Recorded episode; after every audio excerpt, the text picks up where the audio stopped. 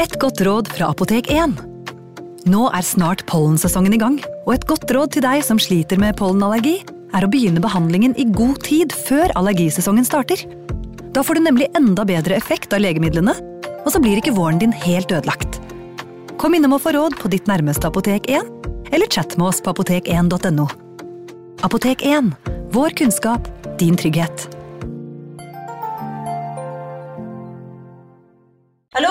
Jeg kommer fra Oslo politikammer. Ine Jansen er purk. Er du purk? The motherfucking bitch. Alt jeg vil, er å finne ut hva som skjedde med mannen min. Jon Carew. Er jeg sikta for noe? Iben Akeli. Det er du. Ole So, Lars Berrum og Big Daddy Karsten. Hvem sin side er du på, egentlig? Anette Hoff, Tone Danielsen, Kommer du fra Afrika? Jørnis Josef, Nesten kløfta. Trond Espen Seim, Det er synd å si det, men det var feil mann som døde. Purk. Premiere tirsdag på TV2 Play. Ungsamtalen fra DNB er økonomisk veiledning tilpasset deg som er ung. Bokk en ungsamtale på dnb.no. slash ung. Det er kjempebra hvis du skal inn på boligmarkedet, hvis det er drømmen din, liksom. Det er det du skulle sagt. Og så kunne du ropt litt mer, da, sånn som jeg gjorde. Bam! Advarsel. Denne podkasten inneholder skildringer av ekte drap og kriminalsaker som kan være støtende for enkelte. Det advares også mot sterke inntrykk i deler av episoden. Gatelysene ble tent over hele Kensington-området i Pennsylvania og fikk mennesker og biler til å kaste skygger over de kalde murveggene. Et isguft slo gjennom gatene og tvang fotgjengere til å pakke jakkene godt om seg. Selv byens mange gatekvinner var nødt til å kle seg bedre enn vanlig. Det gjaldt i alle fall kvinnen som gikk rolig nedover fortauet med den unge mannen. De sa ikke et ord til hverandre, men gikk arm i arm mellom gatelysene. Med ett stoppet de utenfor et mørkt smug, og kvinnen tittet litt nervøst rundt seg. Den unge mannen så like nervøs ut og spurte med tynn stemme om hun virkelig hadde lyst til dette. Det fikk kvinnen til å senke skuldrene litt. Det var den forsiktige stemmen til mannen som hadde fått henne til å bli med i utgangspunktet. Vanligvis ville hun aldri ha blitt med en kunde på denne måten. Likevel virket mannen harmløs. Kvinnen grep tak i mannens hånd og ledet ham inn i mørket. Hoftene hennes svingte forførende idet de forsvant sammen bak en søppelcontainer. Noen minutter senere kom den unge mannen ut igjen, alene. Igjen i smuget lå kvinnen utslått på bakken, urørlig og med klærne trukket ned under knærne. Hun var blitt et offer for The Kensington Strangler, Antonio Rodriguez. Velkommen til True Crime Podden.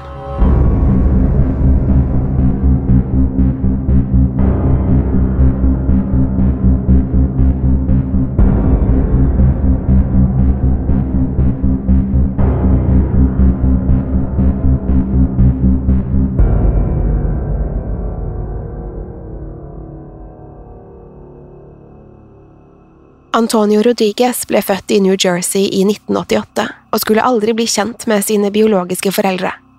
Etter fødselen ble han sendt rett i fosterhjem sammen med tvillingbroren sin fordi foreldrene ikke hadde mulighet til å oppdra dem. Dermed endte de opp i Philadelphia. Antonio, som egentlig var blitt døpt Alfred, skulle få sitt nye navn etter å ha blitt adoptert av familien Rodriguez, som opprinnelig kom fra Puerto Rico. Derfra skulle Antonio vokse opp i et lite, nært nabolag hvor alle kjente alle. Som barn skal Antonio ha vært en snill og rolig gutt. Alle som kjente familien Rodriguez på den tiden, husket Antonio som vennlig og høflig. Han deltok i diverse sport som basketball og amerikansk fotball, eller gjorde leksene sine på det lokale biblioteket etter skoletid. Likevel var det ikke bare enkelt å vokse opp i det lille nabolaget.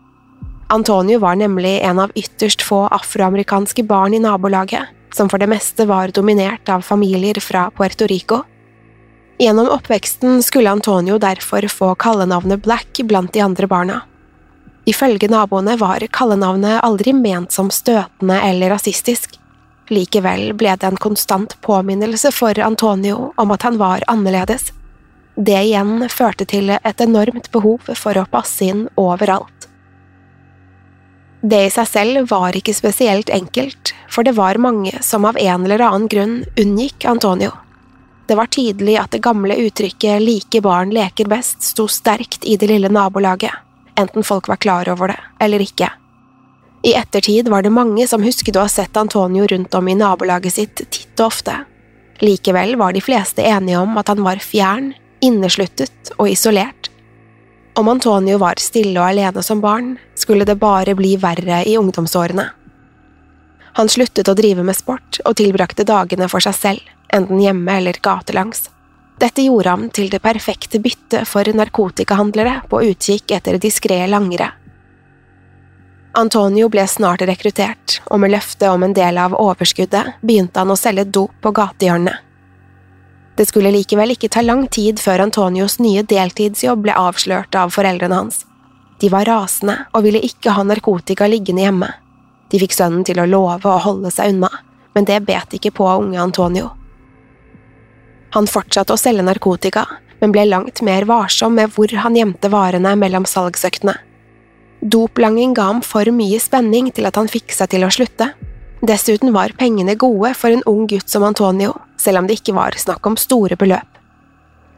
I flere år sto Antonio på gatehjørnene og solgte dop, uten at det fikk noen konsekvenser. Det var helt til 2009, da Antonio var 20 år gammel. Det året ble han arrestert to ganger på kort tid for narkotikabesittelse. I retten ble han dømt til tvungen oppfølging, noe som betydde at han måtte melde seg for myndighetene med jevne mellomrom. På den måten kunne de følge med på ham i tilfelle han begikk mer kriminalitet. Det ble begynnelsen på en rekke uheldige hendelser i unge Antonio Rodriguez liv som skulle forvandle ham fra en doplangende guttunge til en kynisk og nådeløs morder. Det samme året som de første arrestasjonene skulle Antonio oppleve noe svært traumatisk. En dag han sto på sitt vante hjørne og solgte narkotika, hadde han blitt skutt etter av en ukjent skytter. Flere kuler gjennomboret kroppen hans, og han ble hastet til sykehuset i ambulanse. Han overlevde angrepet, men fikk flere arr for livet. Et av dem strakte seg fra det venstre øyet, helt ned til midten av halsen. Mens han lå på sykehuset kom politiet for å spørre han ut om angrepet, men da hadde Antonio lukket seg helt. Han nektet å samarbeide, og ville ikke fortelle hvem som hadde skutt etter ham. Om Antonio faktisk ikke visste hvem skytteren var, eller om han bare var vrang, var det ingen som riktig visste. Dermed forble saken uløst. Likevel var det ganske tydelig at Antonio følte han hadde en slags makt over politiet i det øyeblikket. Han satt kanskje på viktig informasjon som politiet ønsket seg, og han kunne bestemme om de skulle få den eller ikke. Den følelsen skulle Antonio aldri glemme. Etter operasjonen for skadene tilbrakte Antonio mange uker hjemme og innendørs for rehabilitering. En stund var han helt eller delvis avhengig av andre til å hjelpe seg med de enkleste ting på grunn av de voldsomme smertene. Det føltes mer ydmykende enn noe Antonio hadde opplevd tidligere. Han følte seg ubrukelig og maktesløs, noe som på ingen måte hjalp på hans allerede forvitrede mentale helse. Da han endelig var blitt frisk nok til å klare seg på egen hånd, skulle alt bare bli verre. I juni 2010 ble Antonio nemlig arrestert igjen, denne gangen for å ha blitt fersket midt i et narkotikasalg. Dette var noe ganske annet enn å bli tatt for besittelse, så tvungen oppfølging var ikke straff nok. Dermed skulle Antonio tilbringe resten av den sommeren i fengsel. Som dømt forbryter ble Antonio også nødt til å levere en DNA-prøve til det nasjonale DNA-registeret CODIS, som er kort for Combined DNA Index System. På den måten kunne politiet enkelt finne ham igjen og identifisere ham om han skulle være involvert i flere saker. Prøven ble levert i oktober 2010 og sendt til databasen hvor den skulle registreres. Fengselsoppholdet den sommeren skulle for alvor endre Antonios liv for alltid. Etter løslatelsen mistet han så godt som all kontakt med familie og venner, og endte opp på gaten i området i Kensington i Philadelphia. Det beryktede nabolaget hadde også et annet navn, nemlig Badlands. Det var et utrolig og til tider farlig område, fullt av hjemløshet, narkotikamisbruk og prostitusjon. Antonio hadde vært kjent med bydelen fra tidligere, men hadde aldri trodd han skulle bo der selv. Nok en gang følte han seg maktesløs. Han hadde kjent på makt denne ene gangen da han nektet å fortelle politiet hvem som hadde skutt ham. Nå var han desperat etter å få oppleve det igjen. Spørsmålet var bare hvordan. Han ville ikke utsette seg for noe lignende igjen for å kunne holde tilbake informasjon fra politiet. Han trengte en annen løsning, og den skulle snart komme til ham.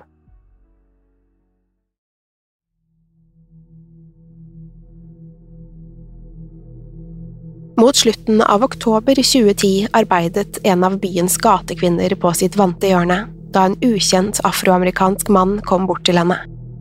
Mannen introduserte seg som Anthony og spurte om kvinnen ville bli med ham og gå en tur. De fleste av byens prostituerte vegret seg alltid for å bli med kunder til et ukjent sted. Om de utførte jobben i en bil, var det lettere å stikke av om noe skulle gå galt. Da var det verre om de ble presset inn i et hjørne av et mørkt smug. Til tross for kvinnens vanlige prinsipper gikk hun med på den ukjente Anthonys forslag. Han virket harmløs nok med sin spinkle figur og milde stemme. Derfor vandret de nedover gaten sammen, hun med armen i hans. Stemningen var som kvinnen forventet, helt til de nådde en forlatt, mørklagt byggeplass. Så snart de to var ute av syne for folk på gaten, kastet mannen seg over kvinnen. Han grep tak om halsen hennes og klemte til alt han maktet. Mannen la hele vekten sin over kvinnen og slapp ikke taket om halsen hennes før hun lå urørlig igjen på bakken. Etterpå satte mannen av sted og forsvant i mørket. Den ukjente Anthony, som i virkeligheten var Antonio Rodriguez, hadde gått til angrep på sitt aller første offer. Han var sikker på at han hadde tatt livet av kvinnen, men der skulle han ta feil. Kvinnen var ikke død, bare bevisstløs.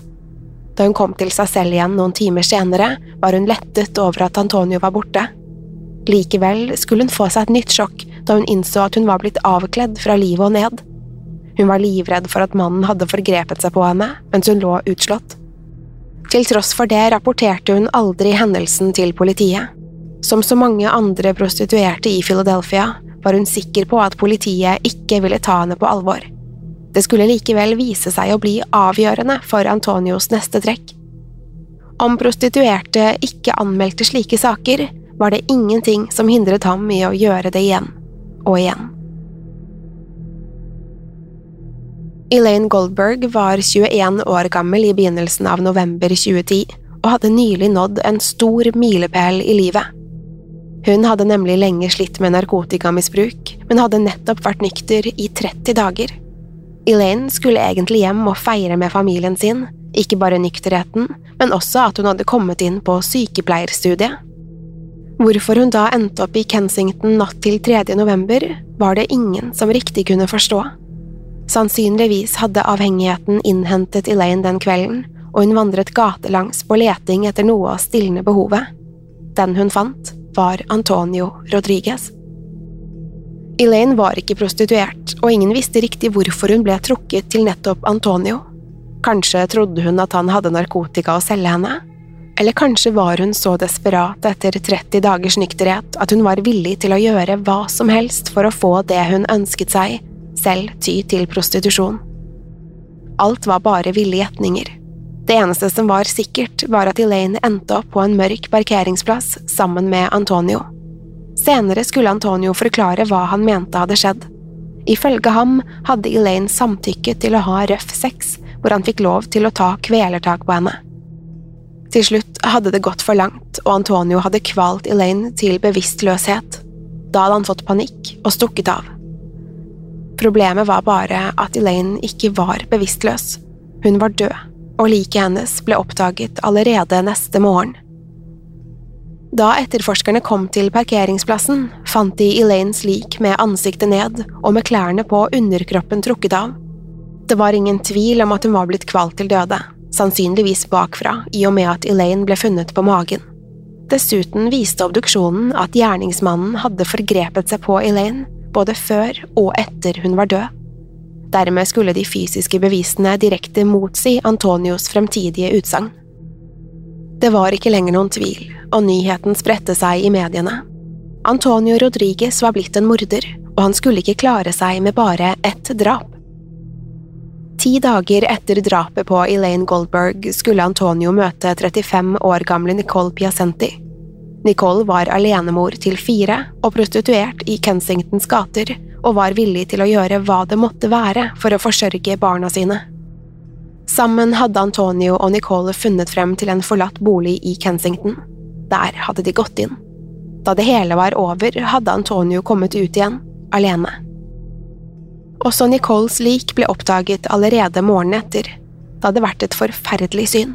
Da politiet ankom åstedet, fant de Nicole i mer eller mindre samme tilstand som Elaine Goldberg hadde vært i. Nicole var naken fra livet og ned, og ble funnet sittende i knestående, med hodet bøyd ned mot gulvet. Hun hadde også tydelige kvelemerker om halsen, og det var åpenbart at hun var blitt voldtatt både før og etter at døden inntraff. I tillegg kunne etterforskerne se med det samme at åstedet var blitt tuklet med. Noen, sannsynligvis gjerningsmannen, hadde flyttet på liket og poserte. Spørsmålet var bare hvorfor. I noen ekstreme tilfeller kan seriemordere posere likene sine for å sende et budskap til etterforskerne. Andre ganger er det et forsøk på å skjule at flere drap stammer fra samme morder. I Antonios tilfelle var det ingen av disse. Helt enkelt hadde han flyttet på og posert Nicoles lik slik at det skulle bli lettere for ham selv å forgripe seg på det. Til å begynne med trodde ikke politiet at drapene på Elaine Goldberg og Nicole Piacenti var begått av samme gjerningsmann. Selv om det var mange likheter på de to åstedene, var det naivt å bare anta at én og samme morder sto bak. Oppdagelsen om at det faktisk var snakk om én drapsmann, kom først da DNA-prøver ble hentet ut fra begge ofrene. Dermed ble det åpenbart at de hadde en seksualmorder på frifot i Kensington, med flere liv på samvittigheten. Med det burde Antonio vært ille ute. Han hadde levert DNA-prøver til registrering i oktober og burde enkelt bli funnet i systemet. DNA-prøvene fra likene ble dermed sendt inn og undersøkt gjennom Codis, mens etterforskerne ventet i spenning. Så endelig kom resultatene. Men Codis hadde ikke funnet en eneste prøve som stemte overens med de fra likene. Politiet kunne ikke tro sine egne øyne. En så brutal seksualmorder måtte jo ha noe på samvittigheten før de grusomme drapene, men her så det ut som de hadde med en nykriminell å gjøre.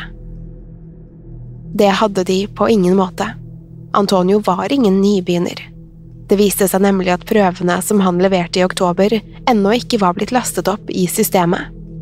Denne lille tekniske glippen skulle snart vise seg å få fatale konsekvenser. Antonio var nemlig fri og kunne gjøre akkurat som han ville. Mens Kensingtons allerede utsatte befolkning fryktet at de hadde en potensiell seriemorder i gatene, hadde Antonio tid til å slå til igjen og bli nøyaktig det de fryktet. Den ukjente morderen hadde til og med fått et fengende kallenavn. I avisene ble han omtalt som The Kensington Strangler. I mellomtiden skulle en rekke kvinner stå frem og rapportere om overgrep fra en mann de mente var The Kensington Strangler. En skissetegner ble bedt om å snakke med kvinnene, og alle viste seg å beskrive den samme personen. Snart ble en fantomtegning laget og distribuert. Plutselig var bildet av en ung afroamerikansk mann å finne på alle avisforsider og på nyhetssendingene. Etter det ble det vanskeligere for Antonio å få det han ønsket seg. Folk i bydelen var årvåkne og fulgte med på alt som foregikk. Det ble opprettet små borgervernsgrupper som sverget på å sette en stopper for The Kensington Strangler om de noen gang fikk klørne i ham. Det var svært utfordrende for Antonio å bevege seg utendørs etter at skissen ble publisert, men ikke umulig. I løpet av de første dagene av desember 2010 kom det flere meldinger fra kvinner som mente å ha blitt tvunget eller slept inn i mørke smug. Der hadde en mann som de var helt sikre på at var The Kensington Strangler, forsøkt å kvele eller forgripe seg på dem. Da kvinnene ble bedt om å beskrive mannen, var det ingen tvil. De beskrev fantomtegningen av morderen perfekt. The Kensington Strangler hadde altså forsøkt å drepe igjen, uten å lykkes. Kvinnene hadde sluppet unna med livet i behold. 27 år gamle Casey Mahoney skulle ikke være like heldig. Casey var narkotikamisbruker, hun hadde kommet til Pennsylvania en tid tidligere for å få behandling på et rehabiliteringssenter. Målet var å bli frisk slik at hun igjen kunne få samværsrett for sin unge sønn. Hun hadde vært der en stund før det ble oppdaget at hun ikke hadde forsikring. Dermed ble hun kastet ut og tvunget til å bo på gaten i Kensington. Hvordan Casey møtte Antonio den kvelden, var det ingen som visste, men liket hennes ble funnet neste morgen i nærheten av togskinnene som førte ut av byen. I motsetning til The Kensington Stranglers andre ofre så Casey ut til å ha vært i en voldsom kamp. Hun hadde merker på hele kroppen etter slag, og det ble funnet DNA-spor under fingerneglene hennes. Altså hadde hun klart å klore angriperen sin. Det virket som om morderen først ikke hadde klart å overmanne Casey slik han hadde overmannet Elaine og Nicole. Like i nærheten av Caseys kropp ble det funnet en brukt kondom. DNA-prøver fra det kunne bekrefte at det også her var snakk om en og samme morder. Med det var det offisielt. Kensington hadde en seriemorder på frifot. Antonio hadde hørt i nyhetene at DNA hadde koblet sammen de to foregående drapene. Han tenkte derfor at det ville være smart å bruke kondom for å ikke legge igjen DNA. Likevel hadde han slengt det brukte kondomet fra seg i nærheten av liket, istedenfor å ta det med seg. Det var tydelig at Antonio vurderte konsekvensene av handlingene sine, men at han ikke visste riktig hvordan han skulle skjule sine egne spor. Nå gjaldt det for politiet å finne The Kensington Strangler før flere uskyldige kvinner mistet livet. Det var likevel tydelig at omtalen av saken i nyhetene hadde skremt morderen. Det skjedde nemlig ikke flere angrep. Alle i hele Kensington var ute etter gjerningsmannen, og det var ikke lenger mulig å slå til uten å bli oppdaget. At morderen lå lavt, gjorde også at etterforskningen stoppet opp. Det dukket ikke opp flere spor i saken, og dermed forble den uløst inntil videre. I desperasjon bestemte politiet seg for å DNA-teste tilfeldige menn på gaten, men ingen morder var å finne. Han var som forduftet i bydelens mylder og elendighet.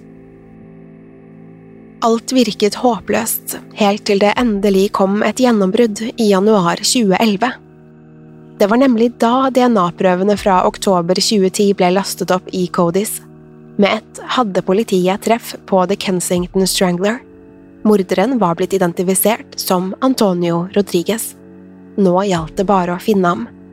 Det skulle vise seg å bli vanskeligere enn først antatt.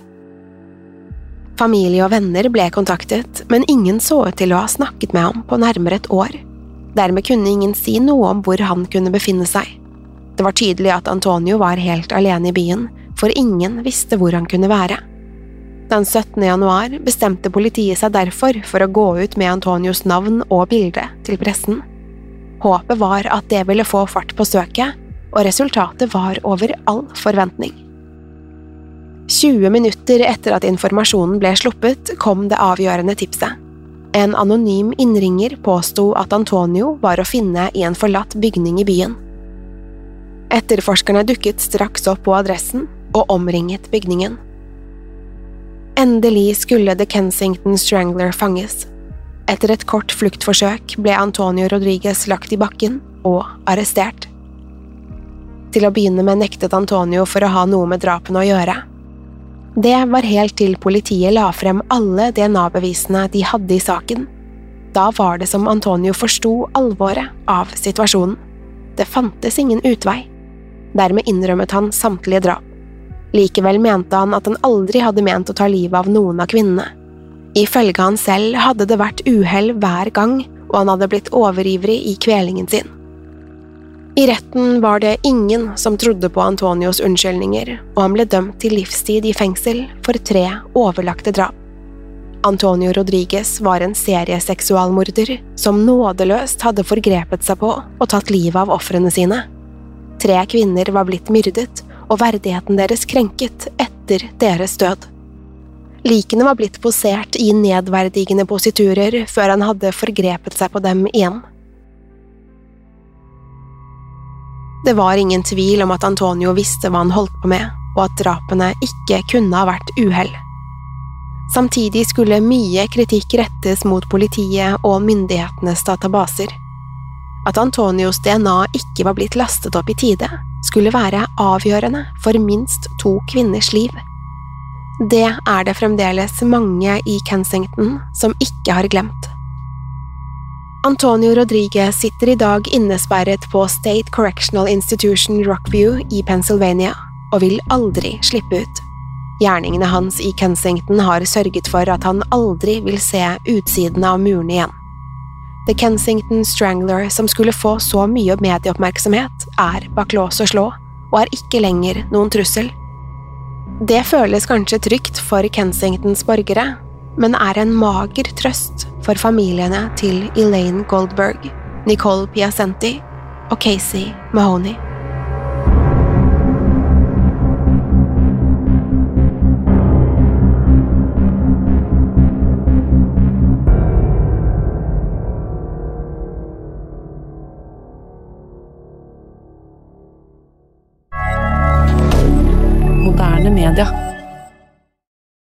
Har du et enkeltpersonforetak eller en liten bedrift? Da er du sikkert lei av å høre meg snakke om hvor enkelt det er med kvitteringer og bilag i fiken, så vi eh, gir oss her, vi.